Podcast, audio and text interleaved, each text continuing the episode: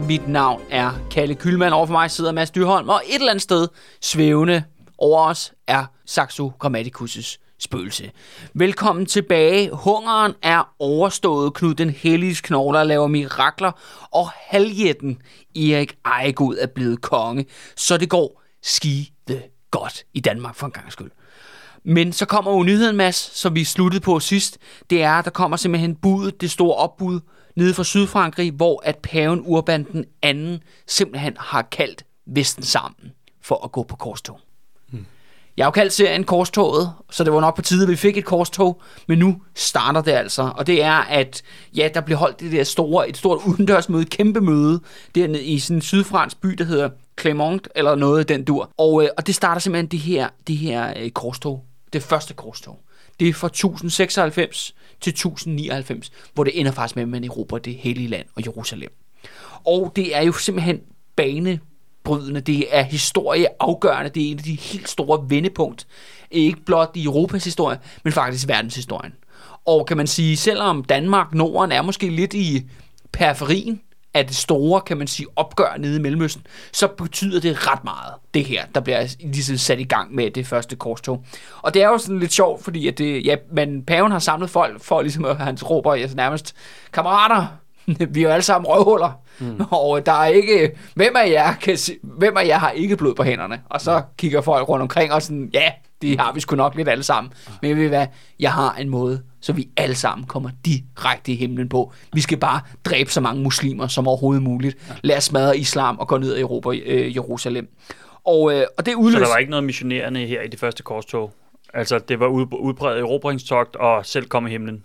Ja, Eller, fuldstændig. Ja. Nej, ja, ja, altså, og, og det skal siges, altså det første korstog er jo, altså på mange måder er jo fuldstændig ragtag. Altså der er ingen planlægning. Det er bare sådan, altså det er fordi, at Europa er simpelthen fyldt op med, med ridder, røverbaroner og lignende, som ikke bruger andet end deres tid på at dræbe deres naboer. Mm.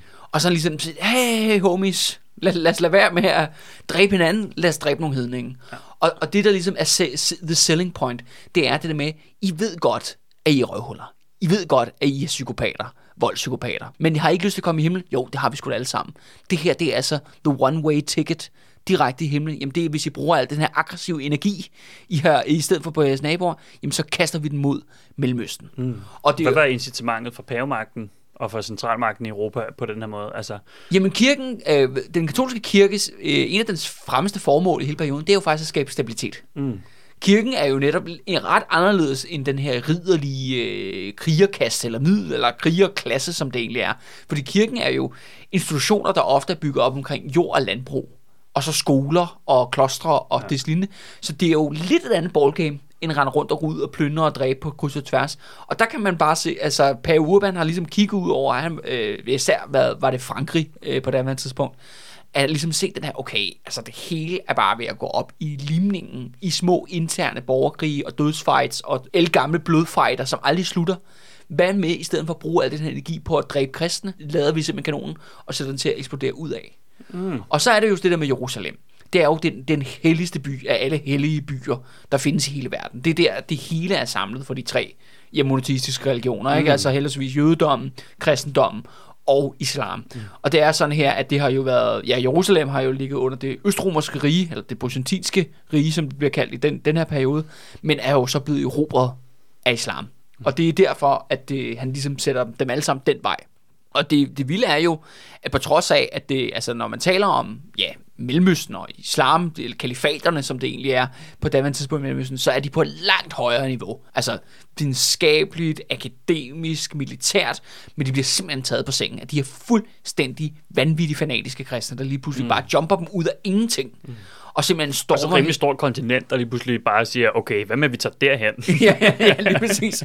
Og, og, det, det, og det er derfor, at hele Mellemøsten bliver sådan, hvad fuck er det, der foregår? Hvor kom, hvor kom de fra? Lige pludselig vælter det rum med hvide mennesker. Altså, der bare snakker om øh, en, eller anden, en eller anden høj, altså nede i Jerusalem. Og til at sige, Jerusalem er jo på daværende tidspunkt jo en virkelig, virkelig søvnig provinsby. Den har jo ingen militær strategisk betydning, eller økonomisk betydning whatsoever. Det er bare simpelthen et skab, har jeg lyst til at mm. sige, et, øh, for alt det her hellige crap, ikke? Og så en masse ja. sweatshops, der øh, producerer ja, ja, helgerekvilikker på, på samlebånd, ikke? Ja. I kan tage ned og angribe, og faktisk er der danskere med fra starten af. Ja. Og det ret grinerne er, at der er en, endnu en søn af Svend Estridsen, som er med til det her korstog, det første korstog. Og han hedder sjovt nok bare Svend Korsfar. Mm. Han drager altså ud ifølge beretningen med, øh, med 1500 danske ridere. Okay. Altså en ordentlig Det er en, en relativt stor styrke. Ja, den for, tid, for et lille land som Ja. Danmark på daværende tidspunkt. øh, Men der er også nordmænd og svensker og alle Ja, ja. Altså, der er alle med. i Fed tur. Fed tur. Ja. Fed tur. Men det, der sker, er, at uh, Svend Korsfar der, han kommer faktisk ikke rigtig i mål med sit korsfærd. Uh, han når faktisk ikke til Jerusalem. Det, der sker, er, at da han er ude, da han er omkring uh, Konya, altså som kebaben, ja. altså i... Ja, øh, er på station. Ja, lige præcis, ja, eller jeg, jeg er sikker på, at der er andre steder i Danmark, der, hvor det hedder Konya Kebab. Ja. Men, øh, men Konya er altså et rigtigt, altså et rigtigt sted i Tyrkiet. Okay. ja, det er ikke bare, det er ikke blot, det er en eller anden form for, øh, hvad hedder det, sammenskubbet kød. du kan købe, øh, købe for omkring 20 kroner. Øh, nej, det er, øh, det er altså et rigtigt sted i Tyrkiet, og der går altså, øh, hvad hedder det, Svend Korsfar og de der 1500 danskere i et baghold af tyrkere, som, som, som simpelthen har lagt sig på lur. De skyder simpelthen, de, de siger, at de skyder så mange pile på de her danske korsfarer, at himlen bliver formørket. Mm. Og så dør Svend Korsfar, og efterfølgende så bliver han har faktisk sin forlovede med på den her tur. Og hun bliver så ja, fanget af de her tyrkere, og nægter så at, ligesom at, øh, at konvertere øh, til islam. Og derfor henretter de hende. Mm. Kan man. Og det er sådan en lille historie, og den er højst sandsynlig myte. Altså forstår jeg, er ikke meget reelt stof i den. Men af en eller anden mærkelig årsag, så bliver det her sat på vers ret tidligt i middelalderen, mm. eller i den her periode. Og det gør simpelthen, at det bliver en banger. Ja. Det bliver et kæmpe hit, hvor det her med Svend Korsfar, altså den danske Svend Korsfar, det er faktisk noget, der mere, mere bliver dyrket i Frankrig og Tyskland og England og sådan nogle steder, end faktisk bliver dyrket herhjemme.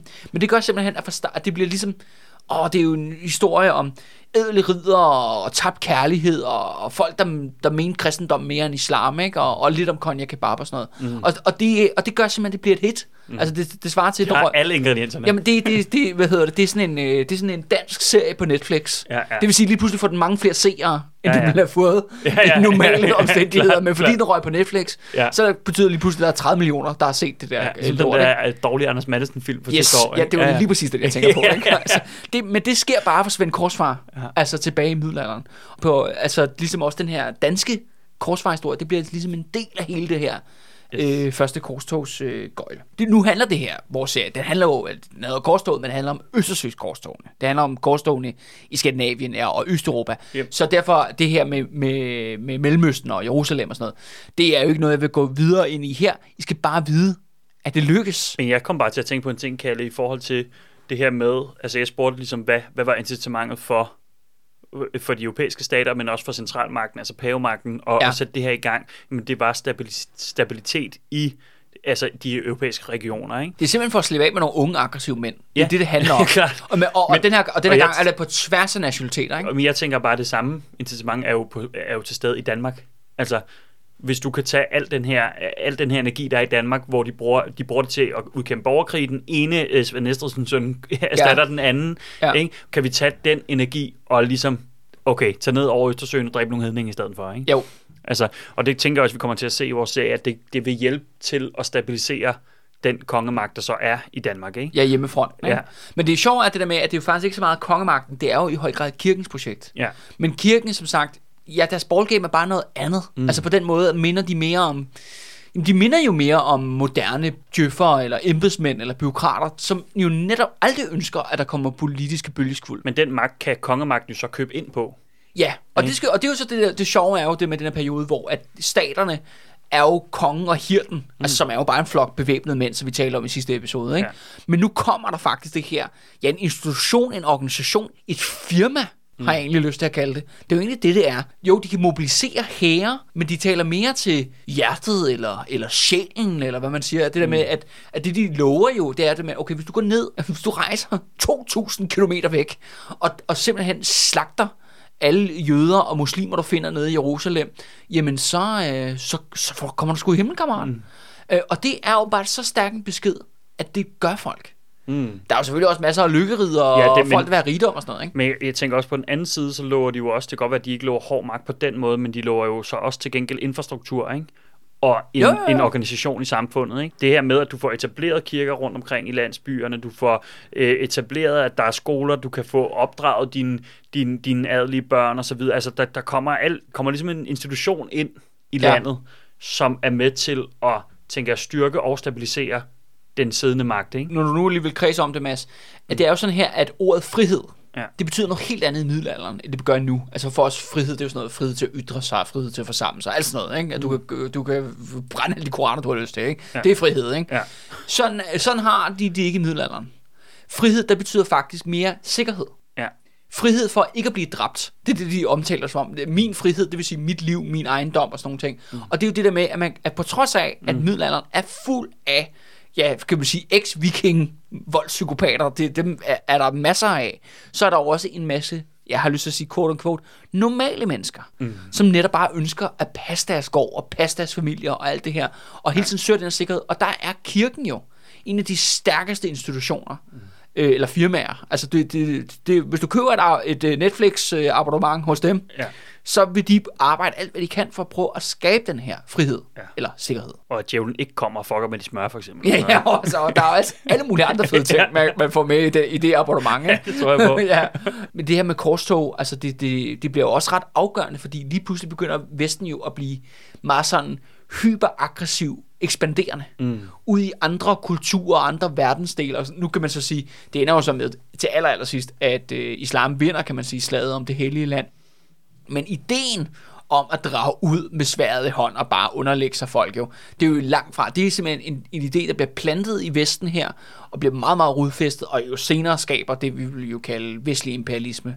Mm. Øh, fra, ja, helt op for, hvad hedder det, der portugiserne øh, begynder at køre derud af Spanierne, og det, den nye verden, Syd- og Nordamerika, og så, ja, der er britterne og alle de, og franskmænd og alt, det Europa resten af verden, ikke? Ja, jeg synes, du peger på noget meget interessant nu, Kalle, at, at altså, sammenhæng mellem vestlig imperialisme og kristendommen, den tror jeg bare ikke, den tror jeg ikke, man kan skille ad. Altså, Nej, fordi nej. den her idé om, ja, fordi jeg tror egentlig, det, er et- det er ligesom et tvækket svær, altså det er både det her med, at du får en billet til at komme i himlen, men der Ja. er også hele det missionerende aspekt, som man heller ikke ligesom kan se bort fra i kristendommen. Øh, Vi har en fuldstændig grundlæggende idé om, at vi som kristne har regnet den ud, ikke? Jo, Det er os, der har den. ja. Og hvis vi ikke tager ud og frelser de andre, jamen, så kommer de jo i helvede. Ikke? Jeg tror nogle gange, vi har haft tendens til at kun at kigge på den ene del, sådan den med sværet i hånden, at vi vil, vi vil selv ud og slå nogle hedninge ihjel for selv at komme i himlen, eller hvad det nu er. Ikke? Jo. Eller erobre nogle territorier for egen skyld, eller hvad det er. Ja. Men jeg tror også, den, den anden del spiller en, en, en fuldstændig signifikant rolle igennem. Altså hele perioden, herfra, hele vejen op til Ja, du i mener det der med, at det handler om at redde folk? Eller sådan... Ja, ja, men ja, altså, ja. ja. Ja, vi, se, vi har jo set det helt op til øh, nullerne, ikke? Altså, Jo, jo, der, tager jo, jo. Vi, der tager vi stadig krig for, at, fordi vi har regnet den ud, ikke? Det er Jo. os, der har den rigtige styreform, ikke? Kom nu, ikke? Kan I ikke Men- få men- demokrati, men- men ikke? det Det er er jo jo- den samme idé, jo, jo, altså, jo, som, som er der 100%. sta- i stadig i 100%. dag, og den er der, altså, udpræget grad kun for vestlige kristne lande. Ja. Altså, der er jo ikke nogen andre lande, der, der tænker sådan, vi har regnet den ud, nu tager vi sgu øh, ind på den anden side af jorden, ikke? og siger sådan, Vi- nu frelser vi dem. Altså, altså, det er der jo ikke nogen andre, der er jo ikke nogen andre, der har den idé. Den kommer fra Ja. kristendommen. Ki- Kineserne har simpelthen tænkt sig at drage gennem hele Asien til de når København, for Ja. bare at lære os Confucius' Ja. øh, lære. Vi skal Ja. fandme gå op i de der dyder der. Ja. Det, Men det ved vi, kineserne, de er fuldstændig ligeglade. ja, de er ret Altså, ligeglade, om vi følger Confucius eller ej. Ikke? Altså, Og de er jo ja. også i gang med et kæmpe imperialistisk projekt i Afrika, ikke? Jo. Men de er 100% ligeglade med, om de tror på det samme som dem, som de gør, ikke? Jo, Men vores imperialistiske projekt i Afrika nu, altså Danida, halløj, halløj, ikke? jo, jo. Altså, jo, nå, men altså- ja, ja, jo, jo, nå, jo. men- ja, jeg ved, hvad du mener. Ja. Nå, men det handler jo kun ja. om, at vi skal overbevise dem om, at vi har regnet den ud, ikke? Jo. Altså, og det kan også godt være, at vi har det. Det er ikke det, jeg sætter, tvivl, øh, sætter spørgsmålstegn ved. Øh, menneskerettigheder eller whatever, men det er jo et udpræget kristen projekt, ikke? Altså, måske forskellen er nu, eller den mere sådan moderne form for det her, det handler jo faktisk meget om, at det er vores institutioner, der er overlegne. Mm. He- Her i middelalderen er det vores tro. Altså, men, men, Men, men hvad fanden er forskellen, ikke? jeg synes, jeg er sådan set enig med dig, det er det samme, ja. men du ved, det er ligesom om, trykket er lagt anderledes. Ja, ja, helt klart. Altså, øh, hvor at det netop handler om, at nej, men, du siger, jamen, det er demokratiet, det er de institutionerne, det er vores mm. værdier. Ja, Men, Jamen, det er det. men, men der gemmer jo, som du, men du selv siger, men det kommer også af det der med, jeg bliver nødt til at slå dig ihjel, Ja. for din sjæl kan komme i himlen, bro. Jamen, Jamen, ja. og det gør, jeg gør det faktisk kun for din skyld. Jamen, altså, jeg gør det, jeg gør det ikke, Ja. fordi jeg er dårlig. Jeg gør, jeg, jeg gør det, for, fordi jeg gerne vil hjælpe dig. Ja, ja, og det er altså, øh, synes jeg, ekstremt flabet på en eller anden måde. Jo, jo, jo. Ja, det er jo pisse arrogant, ikke? Altså, vi har været, vi har været flabet i tusind år. jo, jo, jo, jo, jo. Og, og, og, det, og det er jo også det, men det er jo også det der med, at, at og jeg tror også, det er en stor diskussion øh, sådan globalt set helt lige nu, for hvor mange, altså kan man sige, nu er resten, kan man sige, af verden, også med Kina især, jo fået noget mere styrke, nogle flere muskler, mm. så nu kan de også skubbe tilbage Ja. mod Vesten, hvor det har jo ikke ligesom været en ting, man har kunne gøre siden 1800-tallet, virkelig. Ikke? Vi går simpelthen til, ja, men det er jo ligesom en ting, det er jo korstog. Mm. og øh, det er nede, der foregår nede i Mellemøsten, men nu tænker jeg, at vi skal rette os hjem mod vores lidt mere hjemlige egne, lidt mere hjemlige korstogsstrøg. Det bliver også pludselig meget eksotisk.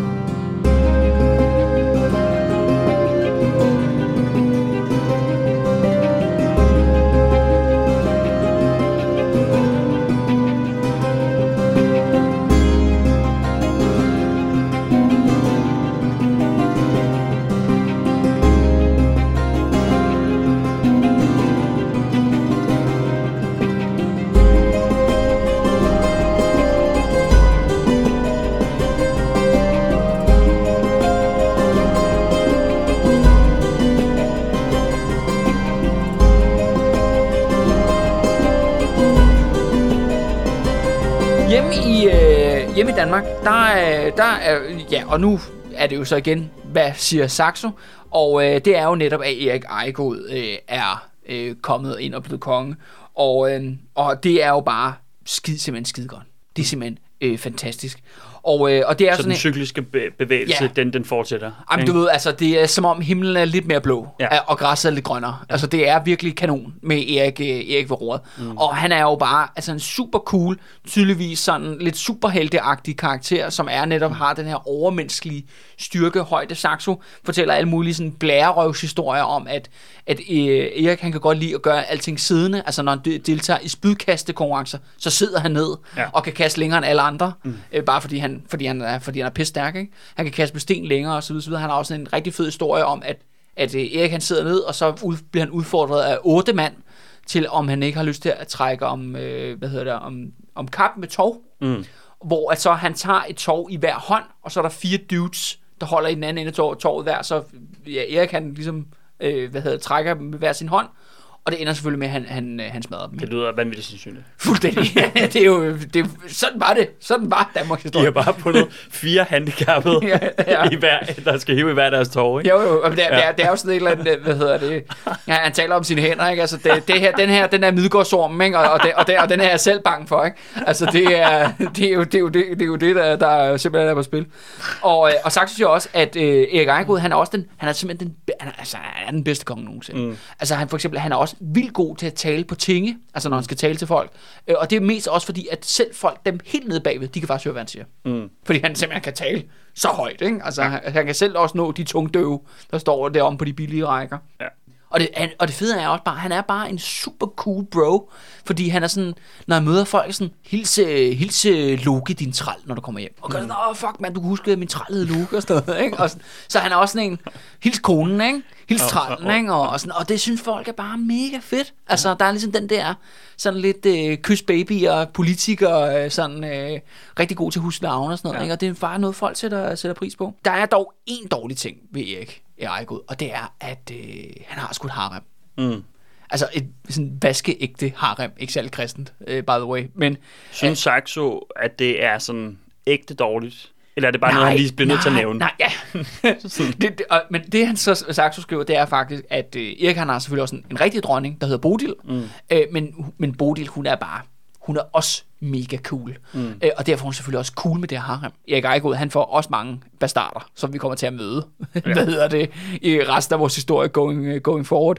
Men lad, lad, lad det nu ligge for nu. Men hver gang Erik har ligesom, okay, ej, så har han sgu, så har han sgu knaldet en, en ny pige tyk, så er Bodil bare sådan, ej, skal du, ikke, skal du ikke være med? Skal du ikke være min terne? Skal du ikke være med i mit hof? Mm. Skal du ikke være arbejde for mig? Og så indrullerer hun alle de der damer i sådan et, et stort uh, harem mm. øh, til, øh, til Erik Ejegod. Ikke? Så, selv, så selv i den her kontekst, altså, så er det bare øh, kærlighed mellem to mennesker, og, øh, og den ene øh, superjættes harem, og er også med mm. i det her, det her øh, hvad hedder hygge. Ikke? Men jeg må sige, altså, de, altså de her øh, uendelige mængder af friller og uægte børn komplicerer vores historie jo sådan helt ekstremt. Det gør det, ja. Ja. det bliver lidt mere simpelt senere hen, ikke? øh, øh, ja, vi får se. Ikke? Nå, men jeg tænker mere sådan, Jo, altså... jo, jo, senere, ja, altså, altså, men der, der var en virkelig øh, meget blodig og kompleks borgerkrig, der ligesom venter ude i fremtiden her, vores, hvor der er nogle af alle de her øh, frilesønner, der kommer til Ja. at lade livet, før vi ligesom øh, får styr på det. Nu kommer jeg egentlig mere bare til at tænke på, at der ikke, altså i vores tid er der ikke dukket alle mulige uægte børn op, nej, som, nej. som, som, som claimer tronen for Frederik. nej, nej, nej, nej. Altså, det er jo meget rart. Ja, jeg. det er der altid det, noget. det, der er ro på, ikke? Jo, jo, jo. Men ja, men Saxo var jo lige sådan, ah, okay, det er jo heller ikke, det er heller ikke super fedt at have et harem, men på den anden side, Bodil synes, det er cool, og så synes jeg egentlig også, det er cool. Mm. Og, fordi Bodil er nice. Det er sådan, det er, det er ligesom Saxos udlægning. Men ellers så fortsætter han ligesom med at bare at ruse Erik til skyerne. Og det andet er også faktisk, og det er jo ikke fordi, at Saxo har kender til begrebet eller konceptet om at være en superhelt. Øh, men det han beskriver er det, der vil passe ned i vores moderne definition af superhelt. Det Saxo siger er, at øh, der er jo selvfølgelig onde øh, herremænd og forbrydere og røvere og alt muligt andet i Danmark og sådan nogle ting. Og, øh, og de, de går efter de svage og dem, der ikke kan forsvare sig og sådan nogle ting. Og så øh, lige pludselig, når de mindst venter det, midt om natten, så dukker Erik gået op mm. og simpelthen nakker dem og får dem alle sammen hængt. Okay. Så han er bare sådan, ne, ne, ne, ne, ne, ne, ne, Erik. så kommer han altså simpelthen væltende. Og han er simpelthen altså en blanding af, af, af Batman og Hulken mm. med harem. Ja. Altså, det er simpelthen Erik Eichhorn. Men også kristen. men også meget kristen. ja. det, kan sige, det er den bedste konge i, i kongeren. Ja. Altså, vi har en superhelt ja. til, til kongen. Altså, det er så simpelt, øh, kan det siges. Men også, jeg tænker også, fordi han, han kan heller ikke rigtig nå at fejle, vel? Altså, jeg ved godt, han kommer ikke til at sidde så længe. Ej, ej, altså, altså, så... nu kan man ikke sige, at mange af de konger her er jo ikke, fordi det er nogle, virkelig nogen, der s- klæber sig til, apparater. Nej, nej, det, men det, det også der, der kan man også bedre ligesom fastholde den der form for fortælling omkring sig, ikke? Hvis du ligesom har en kort periode.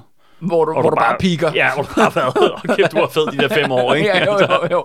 Jo, men øh, nu kommer han jo også på bagkant af Olaf Hunker, så yes. der skal der ikke så meget til, kan man sige.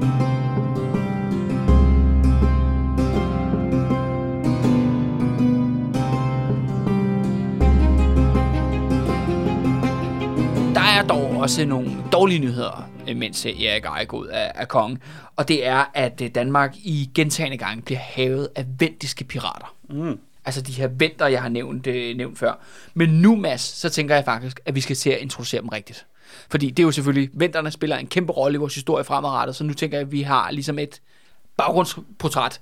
Øh, og det er jo det der med, at der er mange ubekendte med venterne, men i hvert fald det, vi ved, det vil jeg, øh, jeg fortælle. Det er sådan her, at som sagt, der er jo det her dødszonen, som er den her grænse, der går syd for Danmark. Og på den anden side af den dødszone, der bor venterne. Mm. De har øh, seks øh, forskellige stammer, som bor i det her område langs, øh, langs Østersøs øh, kysten. De, øh, de bliver også faktisk kaldt, altså øh, som samlet folk, bliver de faktisk kaldt af danskerne, bliver de bare kaldt for ulvefolket. Mm. Altså i form af især det der med, at de kommer som ja, ulve på havet. Ikke? Altså der kommer ind og dræber og tager folk til slaver og, og plynder og pirater. Tyskerne eller sakserne, som jo så er dem, der bor syd for vinterne, eller og, og, hvad hedder det, og vest for vinterne dernede i Holsten, de kalder dem faktisk de, langhår, de langhårede jakkemænd. Fedt. Eller de nussede jakkemænd, ja. kalder de dem også. Okay, det er sådan en flok hjemløse. ja, det kan du godt sige. altså, og så er jeg, øh, hvad, hvad, skal vi kalde dem fremadrettet? Vi kunne, vi kunne sagtens kalde dem ulvefolk, vi kunne også kalde dem de nussede hjemløse. Men nej, men, nej, men jeg tænker, bare venter, jeg tænker venterne var Venterne også er rigtig, rigtig fint. ja. Og det er sådan her, at faktisk de her vendiske stammer, øh, det er ret sådan, øh, også, det er i hvert fald virkelig unikt for vores del af Europa på det tidspunkt. De er simpelthen bystater. Det er sådan her, at hver stamme har ligesom en hovedby. En hovedby, som er både markedsby, det vil sige, at der er et kæmpe slavemarked, men vigtigst af alt er der, at der er templer. Det er mm. simpelthen tempelbyer. Bortset fra, at man skal ikke forestille sig noget af sten. Alting er af træ. Fra murene til templerne til alle bygninger til slavemarked, alt er simpelthen, der er ikke et sten i syne, men det er simpelthen kæmpe byer bygget af træ.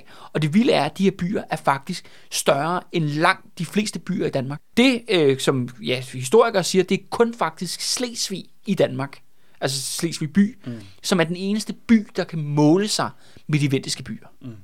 Og de her vendiske byer, de ligger jo så inde i den der urskov. Mm. Altså, som er jo ja, der, hvor dødszonen starter, og så ja, fortsætter urskoven til, på, den, på den anden side Ural, ikke? Mm. Til, til, til folk bliver gule i huden. Så fortsætter den altså simpelthen helt den der vej over. Så de her kæmpe tempelbyer ligger altså inde i den her gigantiske grønne dunkelskovs jungle. Og så er der jo selvfølgelig landsbysamfund udenom, men det er jo ligesom nogle små lysninger mm. i det her gigantiske skovbælte. Det er ret fascinerende at have sådan bystater. Øh, i øh, Østersøsregionen på det tidspunkt, som er, det er en helt anden religion, en helt anden kultur, men det er meget det her med, det er slavemarkedet, der ligesom driver mm. det. Altså det er, at det er derfor, de her byer er blevet vokset så store, fordi de er sådan centrale locations mm. for at øh, ja, sende, øh, for at sælge slaver videre op øh, ja, længere ned øh, i Østersøen, ikke? eller længere op ad kysten. Og, øh, Men jeg skal bare lige forstå det rigtigt, ja, Kjeld, ja. når, når, du, når du taler om bystater, så, så der er ikke noget, der minder om en central magt? Nej. Altså nej. magten ligger i hver sin by, ja. omkring hver sit tempel, ja. og hver by eller hver bystat har sin egen overhoved, Stamme. som er, sin, som er en stamme, som har et stammeoverhoved. Nej, faktisk er det endnu mere komplekst end sådan. Okay. Det er sådan her, at den, den herskende, de herskende grupper, der er, der er ligesom to i hver stamme, mm. og i hver by. Mm. Øh, og det er henholdsvis selvfølgelig, en- den ene er selvfølgelig en klassisk øh, krigerkaste, mm. altså krigerklasse, altså ligesom ridere, vi har øh, i Danmark, og hirden og så videre, så videre. Og så præsteklæde. Ja, og så er der, ja, og så er der præster, ja, ja. som netop styrer de her templer. Og det vil sige, at den her vendiske hedenske religion er faktisk meget centraliseret. Den er meget organiseret. Mm. Og det er jo det der med, at de har jo faktisk haft en masse kristne øh, missionærer, som er kommet ind allerede fra et tidligt tidspunkt, altså samtidig nogenlunde med Danmark blev kristet, og de har ligesom, de har lånt Mm. De har ladet sig inspirere, og det vil faktisk sige, at den vendiske form for afgudstyrkelse, den, er, den minder meget om kristendom, den er meget velorganiseret. Mm. Men der er nogle af de her ypperste præster, som også er altså religiøse, politiske ledere i, i, den her, i, den her, i den vendiske verden. Øh, men som sagt, de her slavemarkeder er det centrale. Det er også derfor, de er jo pirater, krigerfolk, der, der drager ud. Og så drager de så ind i urskoven igen. Og det er klart, at den her urskov fungerer egentlig også som deres bedste forsvar. Mm. I hvert fald, når det kommer til, til, til landsiden i hvert fald. Så kan man komme lidt hurtigere med dem, øh, med skib, med, med båd. Og de her slavemarkeder er på daværende tidspunkt fyldt op med danskere. Fordi det er det, vinteren bliver ved med at angribe Danmark, og henter simpelthen, Danmark er simpelthen blevet jagtmarker for at hente slaver. Man kan jo man kan så ikke gå, man kan også godt købe andre, andre folkeslag end danskere på de slavemarkeder. Også ret øh, interessant er jo blandt andet, at man kan købe de her mænd med hundehoveder, mm. som jeg nævnte i starten. De bliver også solgt på de her vendiske slavemarkeder. Er der, vi har de her historier fra, at de her mærkelige folk dukker op på de vendiske slavemarkeder. Der er jo den her, hvad hedder det, kriger, øh, øh, hvad hedder kasse, som er kendt ved, at øh, de alle sammen er korthåret. Mm. Men præsterne er langhåret. Mm. Det er sådan, det er kun præsterne, der må have langt hår. Alle de andre er faktisk, altså alle, alle har skæg, men, men krigerklassen er jo simpelthen kronravet hele bundet. Så, og, og så har de jo ofte mindre skæg, hvor at de her præster, de er langhårede og lange skæg. Så de ser også meget sådan eksotiske ud. Og venterne er også kendt for, at når de angriber, så har de skulle have et utroligt uhyggeligt krigsski. Undskyld.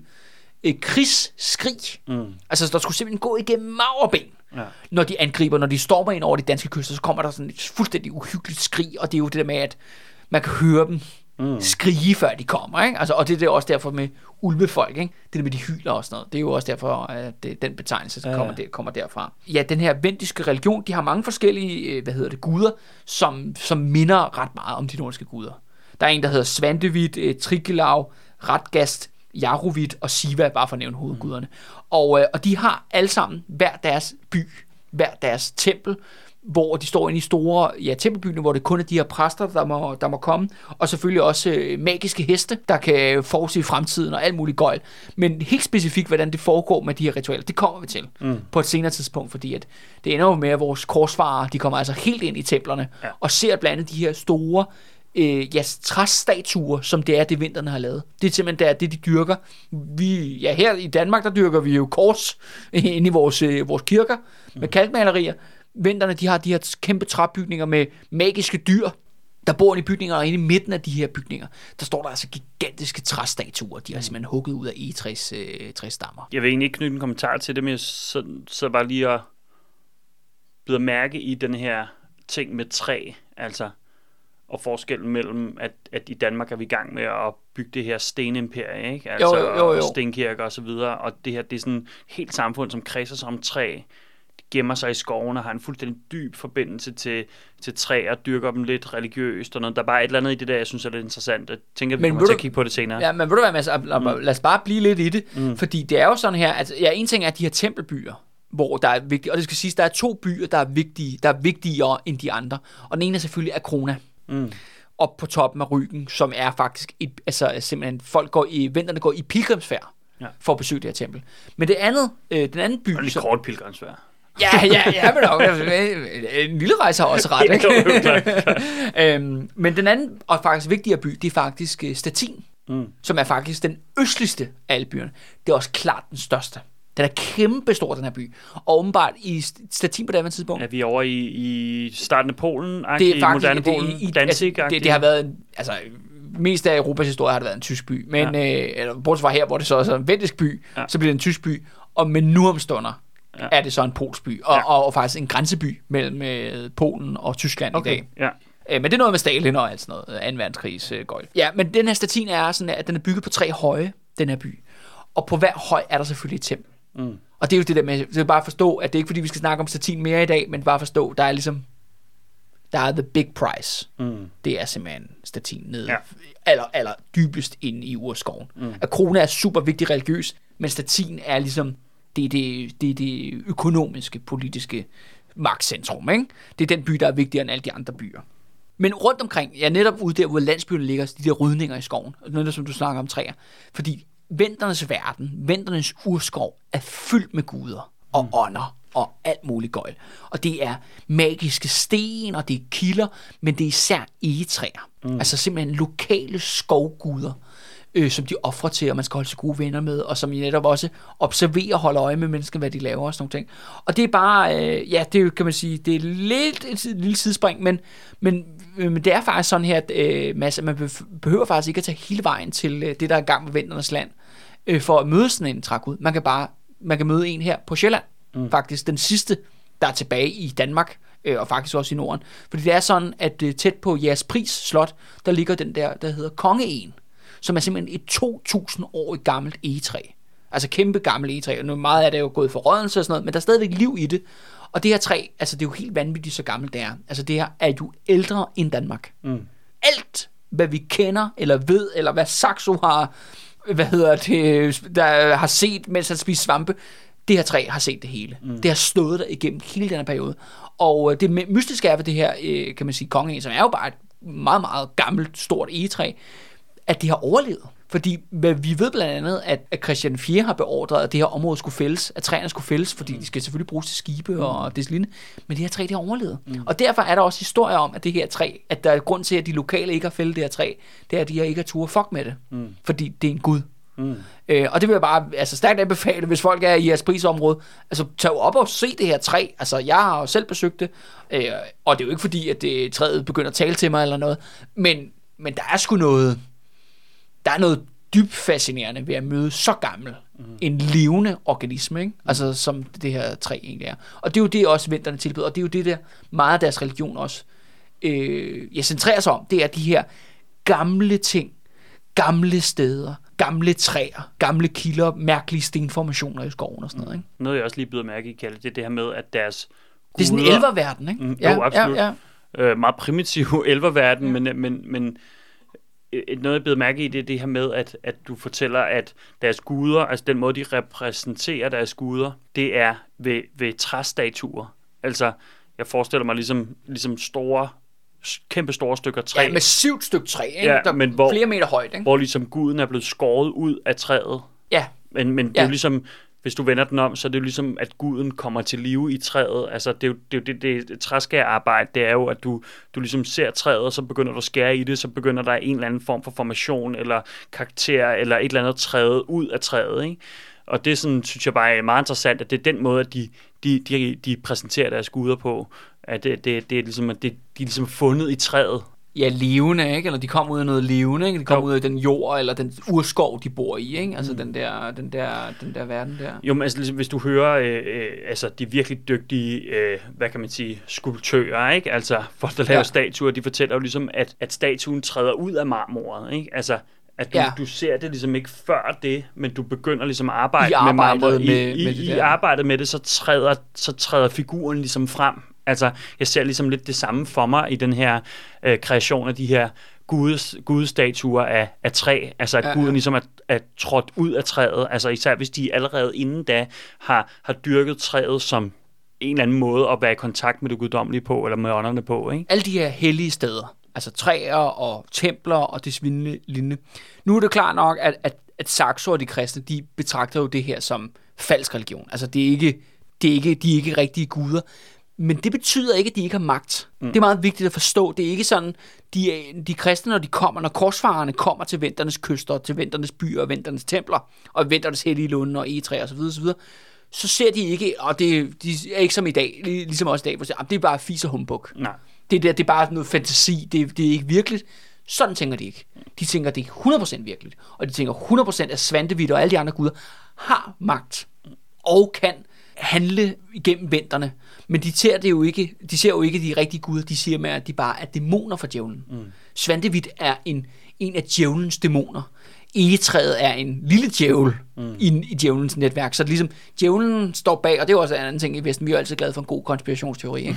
altså, Jo, jo, jo. og, og, og, det er jo det der med, at det er på en eller anden mærkelig måde altid Og djævlen satan. er, djævlen er ligesom den originale konspirationsteori, ikke? Ja, lige præcis. Lige præcis ikke? Ja, det er sådan, og du har Svantevit og hele den her religion og sådan noget, men det er egentlig mm. rigtig satan, der står bag det. Ja. Men det, men det, det grinerne er så, men de venterne ved det ikke. Nej, Venterne ved ikke, at de arbejder for satan. nej. Men det er det, de gør. Og det er også derfor, at når de kristne kommer med Sådan er det jo altid med gode konspirationsteorier, ikke? Jo. Det er jo, altså, vi skal jo, altså, få folk til at vågne op, ikke? Jo, Altså, jo, jo. Vi kan, ikke, vi kan ikke se, at de går, altså, satans ærne. Altså, det er jo, sådan, er det jo, sådan er det jo altid. Så når, når de kristne kommer med økser og, øh, og med, med bål og brand for at ødelægge de her ting, så gør de det ikke øh, sådan sådan høhø, altså sådan let. Nej, nej, de er sådan fucking bange mm. for, hvad de er i gang med at fuck med. Fordi de ved godt, der er kraft, der er magt, der er rigtig magi her. Det er ond magi, det er satans magi i sidste ende. Men de tror, det er, altså, det er en kamp mellem det gode og det onde. De kommer med den hvide magi, Guds magi, og de kæmper mod det sorte. Og det er også derfor, at, når, og det vil vi jo opleve igen og igen i vores historie her fremadrettet, at når de kristne møder venterne og de andre hedninge, der bor langs Østersøen på slagmarken, det er rigtige beskrivelser. De siger simpelthen, at de kan se satan inde bag ved deres øjne. Mm. De, de snakker jo netop, og jeg har allerede luftet det lidt i vores serie, ikke? det der med, at folks øjne begynder at gløde, man kan, folks blodår bliver helt mørke, og når det så lykkes en kristen kriger at dræbe en hedningekriger, jamen så kan de faktisk nærmest se sorte djævel kravle op af munden på dem, eller der er som om, der flyver skygger ud af dem og sådan noget. Mm. Og det er simpelthen rigtige beretninger. Mm. Det man kan godt spørge sig selv, hold kæft, det er jo godt nok nogle, en hæftig omgang øh, øl, du har fået dig der, eller hvad, hvad eller, ja. der er bare ret mange af de historier. Religiøse krig er virkelig religiøs. Mm. Det er ikke bare noget, øh, de siger, og, og ligesom, så bliver der svinget nogle kors, eller bedt nogle bønder, inden de går i krig, og så har vi sådan et regulært slagsmål, som vi, som vi kender det fra alle mulige krig. Nej, nej, nej. Selve krigshandling, selve drabene, alt det der, er også religiøst. Du får, altså, øh, hvad hedder det, signaler sendt i ansigtet på dig, non-stop, når du er inde i urskoven og dræber hedning, ikke? Ja, og, jeg tror, at nogle gange vi har tendens til at kigge på, altså, når vi skal kigge på sådan en periode som den her, så, så tænker vi det lidt som et rollespil, ikke? Jo, Altså, jo vi tænker det de- som en film, ikke? Ja, Eller sådan, men de ja. gør det her, fordi de gerne vil have det og det her, eller, men, men, vi ligesom, men vi har meget svært ved at anerkende deres virkelighed som værende virkelig for dem, ikke? Jo. Fordi vi ikke forstår den grundlæggende, ikke? Jo, jo. De lever jo også meget, meget, meget magisk verden. Ja, altså meget mere mystisk verden. Men det her med besatte venter, besatte hedningen, og det der med, at de er djævelens agenter, det optræder igen og igen. Det er faktisk ikke mest i danske kilder, det optræder faktisk. Det optræder lidt hos Saxo. Men det optræder mest markant i, den tyske ridderordens kilder. Dem, der kommer senere, og tyskerne, de, de vælter simpelthen i historier hmm. omkring det her.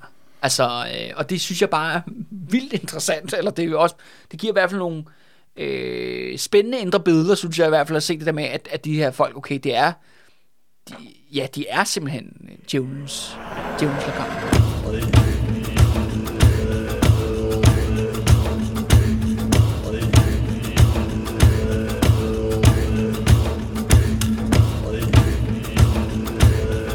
Har vi ligesom præsenteret venterne, og så kan vi jo så starte med vores første korstog. Mm. Bum, bum, tada, premiere, nu kommer det.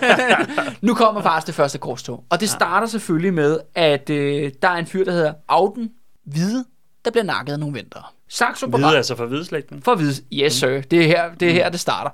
Saxo beretter, at der er en mand, Auden Hvide, som skal sejle fra Falster til Sjælland. Altså i den her periode, mens Erik Eik ud af kongen. Farlig tur. Øh, og, og, meget lang. Eller, eller knap så lang. Ja, Altså, det er jo, altså, det, selv dengang har det ikke taget alverden. Altså, men det lykkedes ham alligevel på den her tur, at simpelthen at blive overrasket af det vendiske piratskib. Mm. Venterne borer, øh, og simpelthen tager hele besætningen øh, til fang, inklusive Auden Hvide. Og så ved han jo godt, at det, der venter ham, det er en tur som, øh, jeg skulle sige, sexslave på et eller andet slavemarked i en eller anden tempelby øh, nede, i, øh, Ja. nede i Vinterens land. Men, som Saxo siger, han er en rigtig mand, ham der, fra hvide slægten, ikke? Det er en rigtig cool slægt, synes Saxo allerede nu, ikke? Ja, ja, ja. Sjovt nok, fordi, primært fordi det er hans arbejdsgiver, ikke? Ja. Men, øh, men øh, han har med at Auden Hvide, han simpelthen, ja, han foretrækker simpelthen døden, frem for at blive træl. Så han siger, I kan bare, I kan bare hugge hovedet af mig nu. Det gør venterne så. Det skal vi sgu nok, øh, den, den fikser vi for dig. Det gør selvfølgelig, at Audens bror, Skjalmhvide, bliver mm. rasende. Skjalmhvide drager rundt på hele Sjælland og drager rundt på Tinge, og simpelthen holder den første, ifølge Saxo i hvert fald, den første rigtige korstogstale, mm. hvor han simpelthen gejler folk op til, nu skal vi fandme over og nakke nogle hedninge. Jeg vil hæve for min bror, og vi skal slå et slag for kristendommen. Og det er faktisk noget, der også er ret interessant. Det kan godt være, at den her historie ikke fandt sted i virkeligheden, men det vi ved, Mads, og det gælder for korstogene herfra, for det første korstog, og så helt til de slutter, det er jo det der med, at det der med, at folk de taler på ting om korsfarer. At simpelthen prøver at erhverve folk til at gå med i korsfarer i, til at blive korsfarer. Det er noget, der optræder gennem hele middelalderen. Og det ender faktisk med, at den katolske kirke laver simpelthen en uddannelse, mm. hvor man bliver uddannet til at blive korsfarer agitator. Fedt. Så man kan drage rundt på tinge. Fedt job. Ja, ja, altså, jeg, jeg, jeg ved godt, hvad for et job jeg ville skulle have i middelalderen i hvert fald. Ikke? Og, øh, og, og de her folk, de er simpelthen professionelle øh, værger, kan man Ja. sige. De drager rundt på ting og siger, siger, hey, du ser lidt trist ud. Mm. Du har måske dræbt nogen for nylig. Øh, måske de bror. Ja. Hvad, hvad med at tage på korstog? Det er jo sådan den fedeste udgave af sådan en facer, ikke? Jo, jo. Den ultimative facer. Ja. Ja. Den er, det er jo den OG. Det er Ja, den originale facer, ikke? Fuldstændig. Men i stedet for sådan, har du det, kunne du tænke dig at, få et sponsorbarn? Så nej, så, så er det, så, så, så har, har du lyst til at, at tage 2.000 km ud i en urskov Det- og, øh, og dræbe nogle, og dræbe nogle øh, ret uskyldige mennesker, du ikke kender.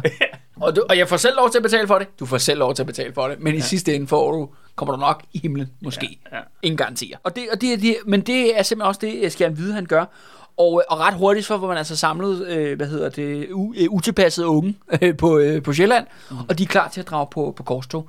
Øh, det de gør er, at de drager faktisk ikke til en, af- de drager ikke til nogle af tempelbyerne, som ligger dernede i Venternes land. De drager til en anden by, som er ret interessant. Saxo, han kalder byen for øh, Julin, men den har faktisk et andet navn. Det har faktisk oprindeligt et dansk navn, fordi det er slet ikke en vendisk by oprindeligt. Det er en dansk by. Den hedder oprindeligt Jomsborg. Mm. Og Jomsborg, det er- du nikker, Mads, du har hørt det her Ja. ja. ord før. Hvad, hvad når Nå, Jomsborg... men jeg, jeg, jeg, jeg mindes bare en historie med sådan en, en, en sådan vi, vikinge, øh, altså vikingeborg, ja, blev bygget ned i, øh, i altså, ja, top af Tyskland, ikke? Mm. Altså sådan vest for Ryggen, Jomsborg, og jeg mener, det har en eller anden relation til Harald Blåtand, men jeg kan det ikke er rigtig- rigtigt. Ja, ja. Det er fuldstændig rigtigt. Ja, det, ja altså, det er jo, det er jo en vikinghistorie. Ja. Altså simpelthen, der er en flok vikinger, som, som grundlægger simpelthen Jomsborg. Og det er faktisk oprindeligt en, en dansk by. Og, øh, og så bliver den så mere og mere vendisk med tiden, og så skifter den også navn til at hedde Julin.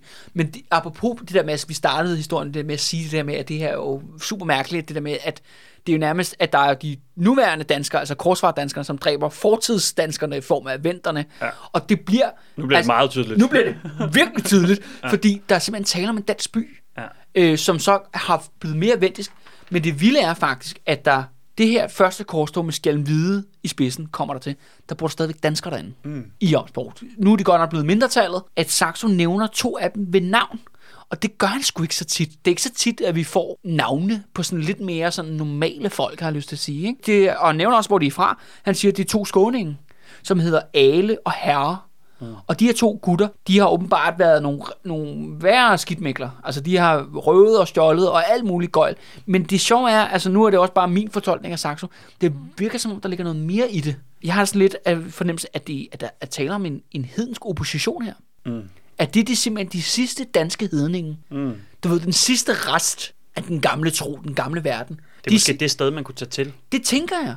Ja. Altså, det, det, det er jo sådan set en dansk by, men den ligger på vendisk territorium. Ja. Og det er jo, venterne har jo mange guder. Så du må sgu da godt kalde Svantevit for Odin, who fuck cares. Ja, altså, ja, de ja. minder jo tilpas meget om hinanden. Ja. Øh, så det gør ikke nogen forskel.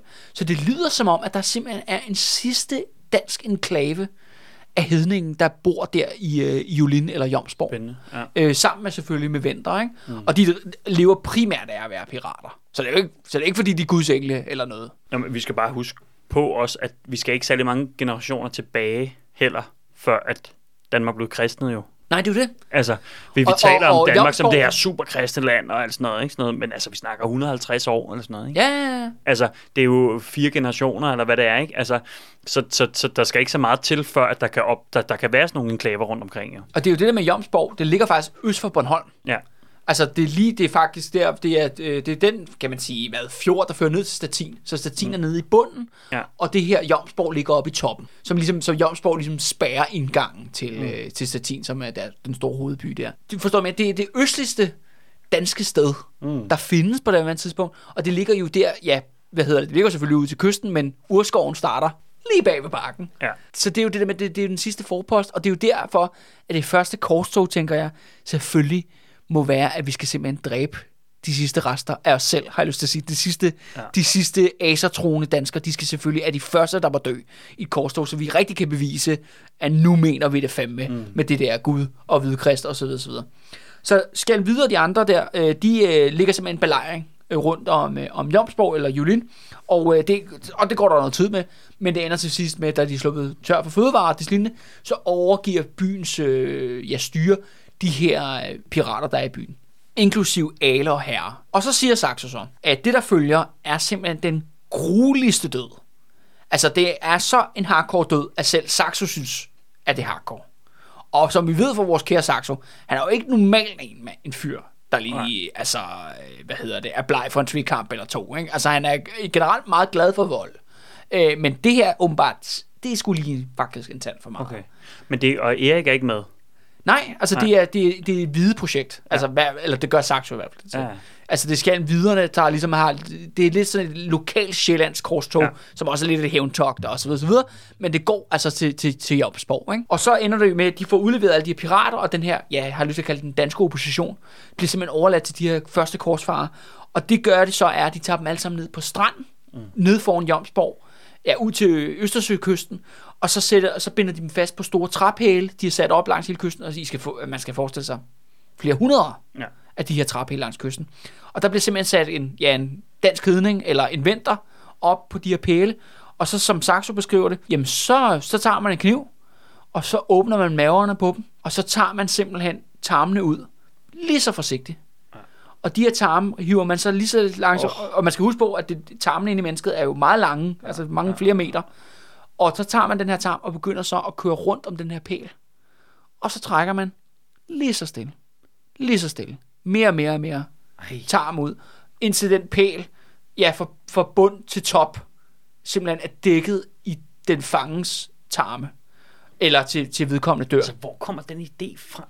Altså, hvor, det er Saxo, det her. Ja, altså, altså, det, det ja, er jeg med på. Men hvem er den dude, der har været sådan, hvad med, hvad med det her?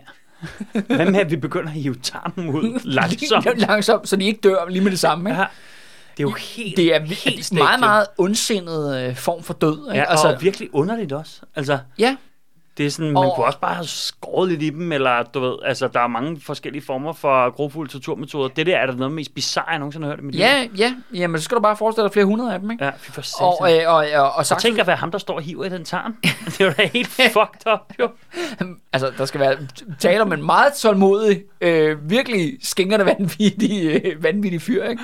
Okay. Øh, som, har, som, har bedrevet, som har bedrevet det, ikke? Jo. Og, og Saxo, Kan jeg vide, om det er den samme fyr med dem alle sammen? Så, eller, altså- de har, eller de bare alle sammen er friske på at tage sådan en tur der. Hold da kæft. Men altså, Saxo skriver, at, at det her er, er simpelthen så afskrækkende, at øh, mens Erik Ejegod er kongen, så oplever de faktisk ikke flere Nej. øh, vinterangreb i hans tid. Nej, okay. Men jeg kan ikke lade være med at tænke, at på den her, altså det er jo virkelig grufuld dødstater, der mm. er tale om her. Og, og Saxo, han er virkelig sådan, okay, det her, det er selv hardcore, selv, selv for mig. Ja. Og jeg er ellers øh, Danmarks øh, krønikeskriver og sådan noget, ikke? Og Ja, ja. der er rimelig meget vold i min bog. Altså, jeg kan ikke lade være med at tænke det der med, det der med, at det er måske den sidste rest af de danske hedninge. Mm. At det er derfor, det skal være så grufuldt, så drabeligt, ja. ikke? Ja. Det sender virkelig sådan, okay, nu har vi fandme dræbt det, den sidste viking ind i os selv. Ja. På den mest grufulde måde, på den mest udstillede måde, ikke? ja, man kan sige, det sker også på det tidligste tidspunkt, ikke? Jo, det, det, gør er det, også det, det ja. er også det første, ikke? Øh, hvor jeg har ikke, jeg har ikke fornemmelsen af det her korstog som værende specielt missionerende, eller Nej, som om, at de det er jo mere et hævntogt. Ja, og de har heller ikke hævet, øh, hævet, kirkens folk med ombord. Det lyder heller ikke sådan. Altså, Og de, og de siger, de smutter også igen. De ja. Ja. tager væk igen, ikke? Ja. Efter de har gjort det der. ja. Så det er jo ikke fordi, de ligesom sætter sig ned og får sådan en permanent tilstedeværelse på den missionært. Så jeg det tænker, hvis der også var sådan en stor gruppe af præster med, som skulle ligesom sætte op camp, ikke? Og, Jo, jo, jo. og få nogle folk over, så var det måske ikke det der move, du har lavet som det første. Ja, men det er også ja. Ja. derfor, der er jo nogle historier, der siger, at det der, de siger, det er ikke det, det, det første korstog. Det, de siger, det kommer et senere. Ja. Men jeg har nu taget det med alligevel, og har lyst Jamen. til at kalde det det første korstog, fordi den her meget, meget brutale, meget ritualiserede mm. form for henrettelse, som det egentlig er tale om. Altså en ting er, at man, man, man gerne nakke nogle pirater, mm. som har nakket ens bror. Det kan man godt forstå, at man er sur over. Men at bruge så meget tid på det, mm. som det er jo egentlig det, som Saxo beskriver. Jeg kan ikke lade være med at sige, at der er okay, det der med, og det er Jomsborg, det der med, det er den gamle danske vikingefæstning og sådan noget. Nu er det bare min øh, fortolkning her, men jeg synes godt, jeg kan se den her symbolikken.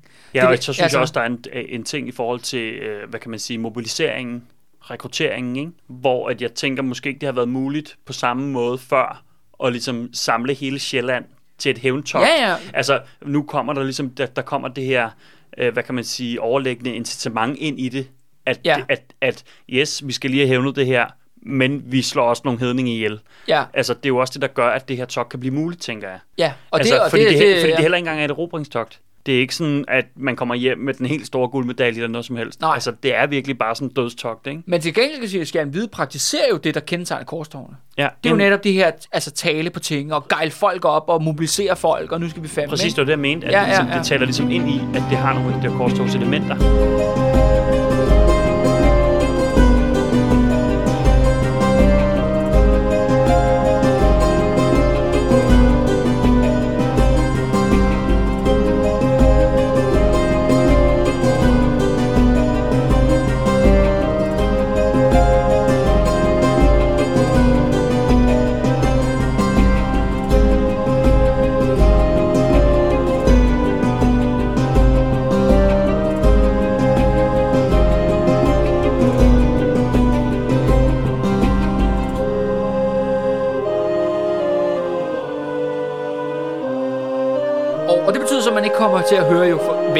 mm. resten af Eriks regeringstid. Og han altså, fortsætter sådan set egentlig med at køre med, med klatten.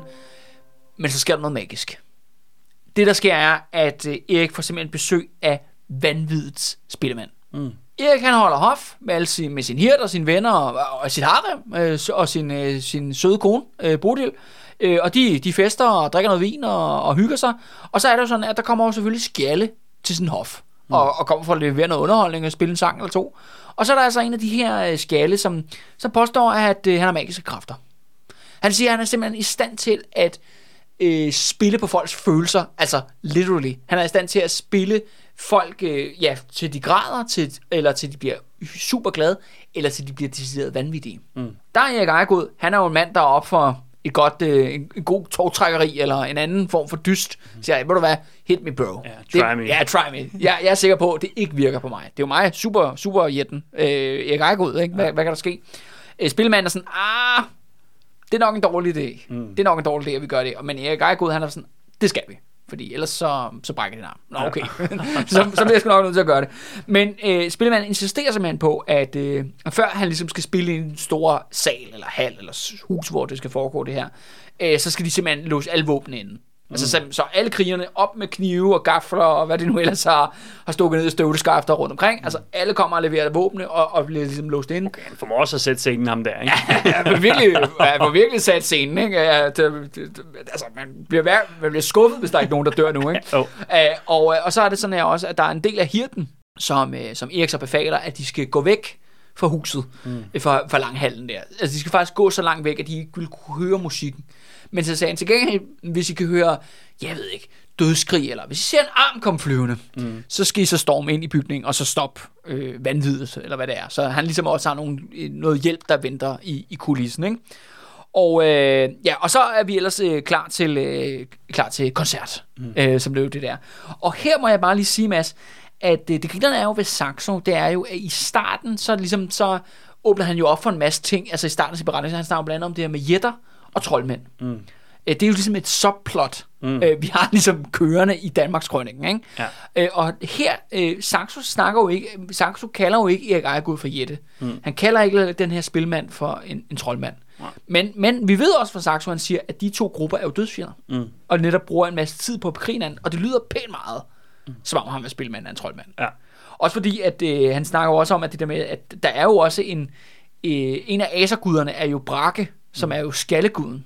Det lyder også pænt meget som ham, mm. faktisk. Øh, som er ligesom er dukket op her, og ligesom er i gang med, at nu, nu skal vi fandme slå et slag i øh, Jette versus Troldmand-krigen. Men øh, Billemanden, han begynder selvfølgelig at spille, og det første er selvfølgelig, at øh, først får han alle folk til at græde, og de græder som, som pisket.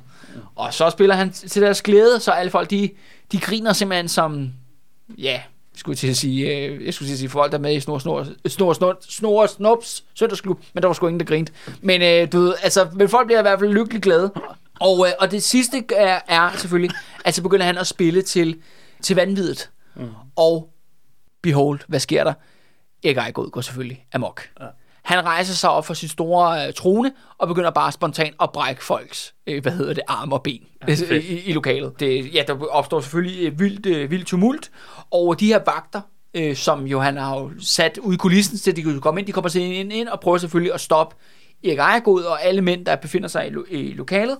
Men Erik Ejegod, han, han er simpelthen, selvom der er 10 af dem, der ligger så ovenpå ham, så igen har vi den her western fight, ligesom i St. Albane Kirke. Han slår dem alle sammen væk, og så løber han direkte ud i våbenkammeret, og simpelthen bryder den her tunge egetræsdør op, og simpelthen hiver svær ud, og dræber lige hurtigt fire af sine egne hirdmænd. Super. Yes. Og så har han blod på hænderne. Okay, og, øh, 1-0 til troldmand. Ja, ja, 1-0 til troldmand. Og, men til sidst kommer der simpelthen så mange hirdmænd, øh, der ligger så oven på Erik Ejegod, så de er simpelthen i stand til at, simpelthen, at holde ham nede, og han, kommer til sig selv. Og øh, så fortryder han selvfølgelig meget, meget bittert, at øh, han har lyttet til vanviddet spillemand. Mm. Og, og så forsvinder spillemanden, by the way, altså på, puff, øh, ud, af, ud af historien her. Øh, men Erik Ejegod, han sidder altså tilbage med altså, den blodige regning øh, mm. på fire dræbte øh, hirdmænd. Altså, det kunne også godt, altså bare sådan en lille strøg tanke, ikke? Også godt lyde som sådan en lille fed øh, historie, Saxo har brygget op for bare lige at retfærdiggøre, at Erik Ejgaard har drukket sig mega stiv en af aftenen, og så bare begyndt at kæmpe tæve hans hjertmænd, ikke? ja, Og så kom der en troldmand, ikke? jo. Producer dig dem, ikke? Her kommer der en troldmand, ikke? ja. Øh, altså, men det der sker jo er, at Erik Ejgaard, han er jo en flink fyr jo, mm. øh, og han er altså morderlig ked af det. Altså, han er virkelig ked af det.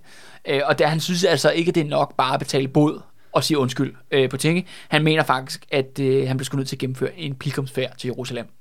Klart. Og, og det er jo lige blevet erobret. Ja. Ja. Altså, og det skal siges i et ordentligt blodbad. Det skal siges, at da de kristne indtog Jerusalem, så var det, altså, det var godt nok ikke Guds kærlighed, de kom med. De Nej, nej. dræbte så alle jøder og muslimer i byen. Øh, så, og så var der plads til, at der kunne være nogle kristne i stedet for, kan man sige. Ja. Øh, men det var det, der skete.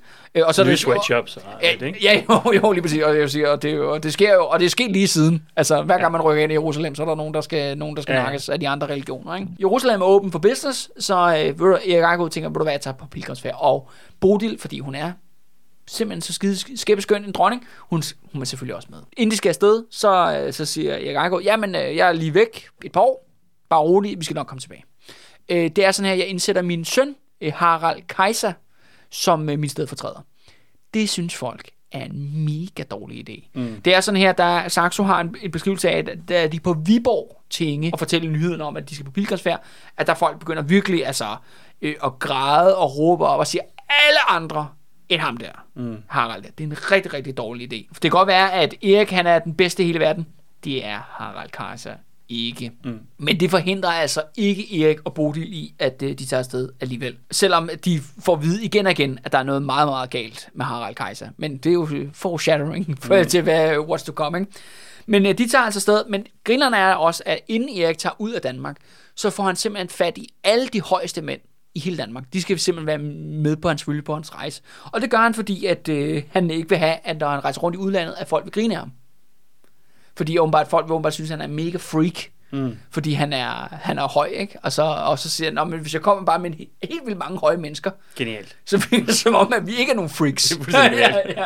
Det synes jeg bare er meget sådan sjovt, ikke? Det er sådan Ja. meget, ja, hvad hedder Det det? er ligesom, når Tom Cruise kun vil lave film med ekstremt lave skuespillere. Ja, ja, ja, ja, ja, fordi så ser han jo normal ud ja. I forhold til, til de andre. Ikke? Jo jo, jo, og det er det der Erik Ejegårds øh, idé, øh, idé her. Ikke? Ja. Det var, men jeg synes, det er meget, meget sjovt, det der med sådan, det følger af sådan ekstremt høje mennesker, der Jeg kunne komme med på den tur, Kalle. Ja, men jeg vil ikke kunne komme med på den tur, men altså, jeg har også et job som øh, kortfararkitekt, så jeg skal passe, ikke? Så, øh, ja, så go- god fornøjelse, ikke? Jeg vil bare være med som sådan en høj statist. ja, jo, jo, jo. Du Bare, Bare gå rundt i baggrunden og være mega høj. ja, du skal bare stille lidt i baggrunden, ikke? Nå, men de drager afsted, og de kommer godt afsted. Øh, De kommer faktisk hele vejen til øh, Konstantinopel, eller Istanbul, som det hedder nu. Ja. Eller Miklagård. Og, øh, og der er sådan her, at faktisk er hele kejseren, siger nu er det jo det østromerske rige, øh, og der er en kejser. Hele kejseren siger, er faktisk alle sammen danskere. Mm. Fordi det har været en tradition siden vikingetiden, og det er det altså stadigvæk på Erik Ejegårds øh, tid. Ja. Og derfor, øh, Erik Ejegård, han slår ligesom øh, teltet op ude foran byportene øh, på Konstantinopel, så tror kejseren faktisk, at Erik Ejegård vil simpelthen tage magten. Mm. Altså, fordi alle, alle hans bo- nærmeste bodyguards er alle sammen danskere, og de vil selvfølgelig ud og sige hej til Erik, fordi han er jo bare en pissefed fyr. Ham kan vi godt huske og sådan noget. Hvem Ja. ikke hænge ud med Erik, trække et tog eller, eller to eller noget.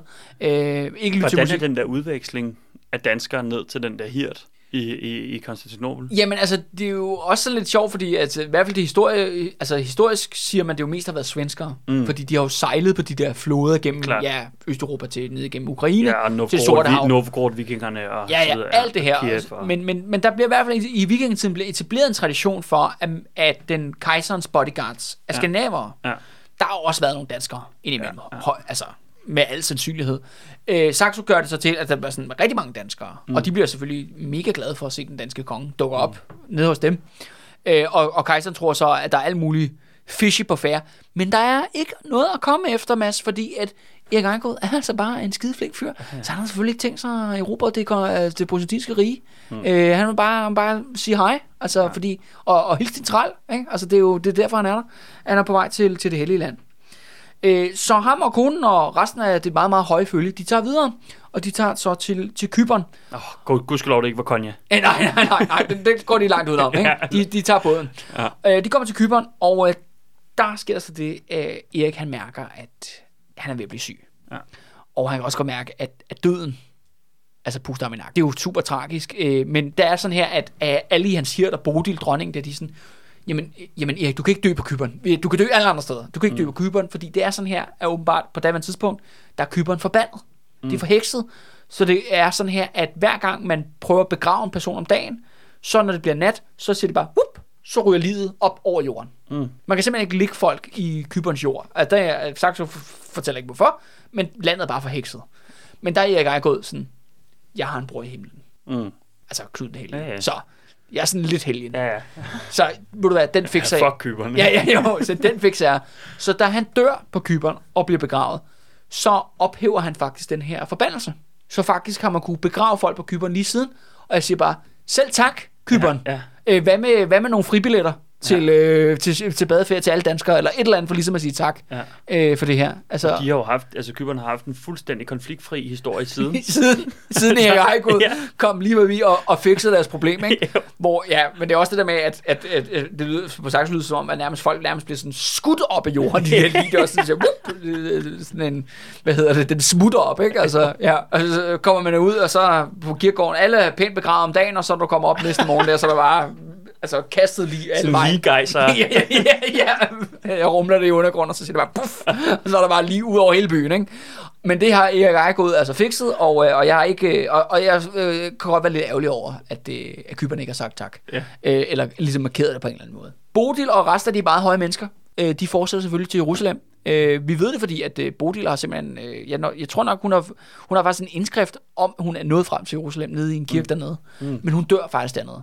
Men hun når faktisk lige at købe en, en, øh, en, øh, en stump i souvenirbutikken, inden, inden, hun selv, øh, selv krasser af. Det er jo en lang rejse at rejse i Middelalderen, også til det hellige land, og det går, der går faktisk to år, øh, før folk i Danmark hører faktisk, at Erik Ejgaard er død på Kypern. Og i al den tid, der, øh, der er det altså ham her, Harald Kaiser, der har ligesom der har hersket på, på sit fars vejen.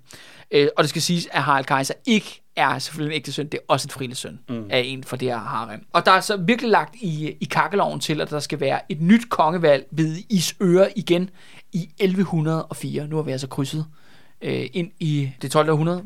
Øh, men til det her opsæt af kongevalg, der er der simpelthen den her klare følelse af, at det skal være alle andre. Hvem som helst andre end Erik Ejgaards ældste frilesøn, Harald Kaiser. For Kaiser der, han er Danmarks svar på Ramsey Bolton. Mm. Altså for Game of Thrones. Der er tale om en ægte sadist, en ægte psykopat, en ægte niding. For hans tilnavn, Kaiser, det betyder på nordrønsk eller på olddansk, oldnordisk, der betyder det spyd eller spydspids. Mm. Og det kommer sig af, at øh, han ikke blot satte sine fjender op på spyd, men han stoppede simpelthen ikke der. Han satte også trællene, kvinderne og selv børnene. Alle kom op på spyd.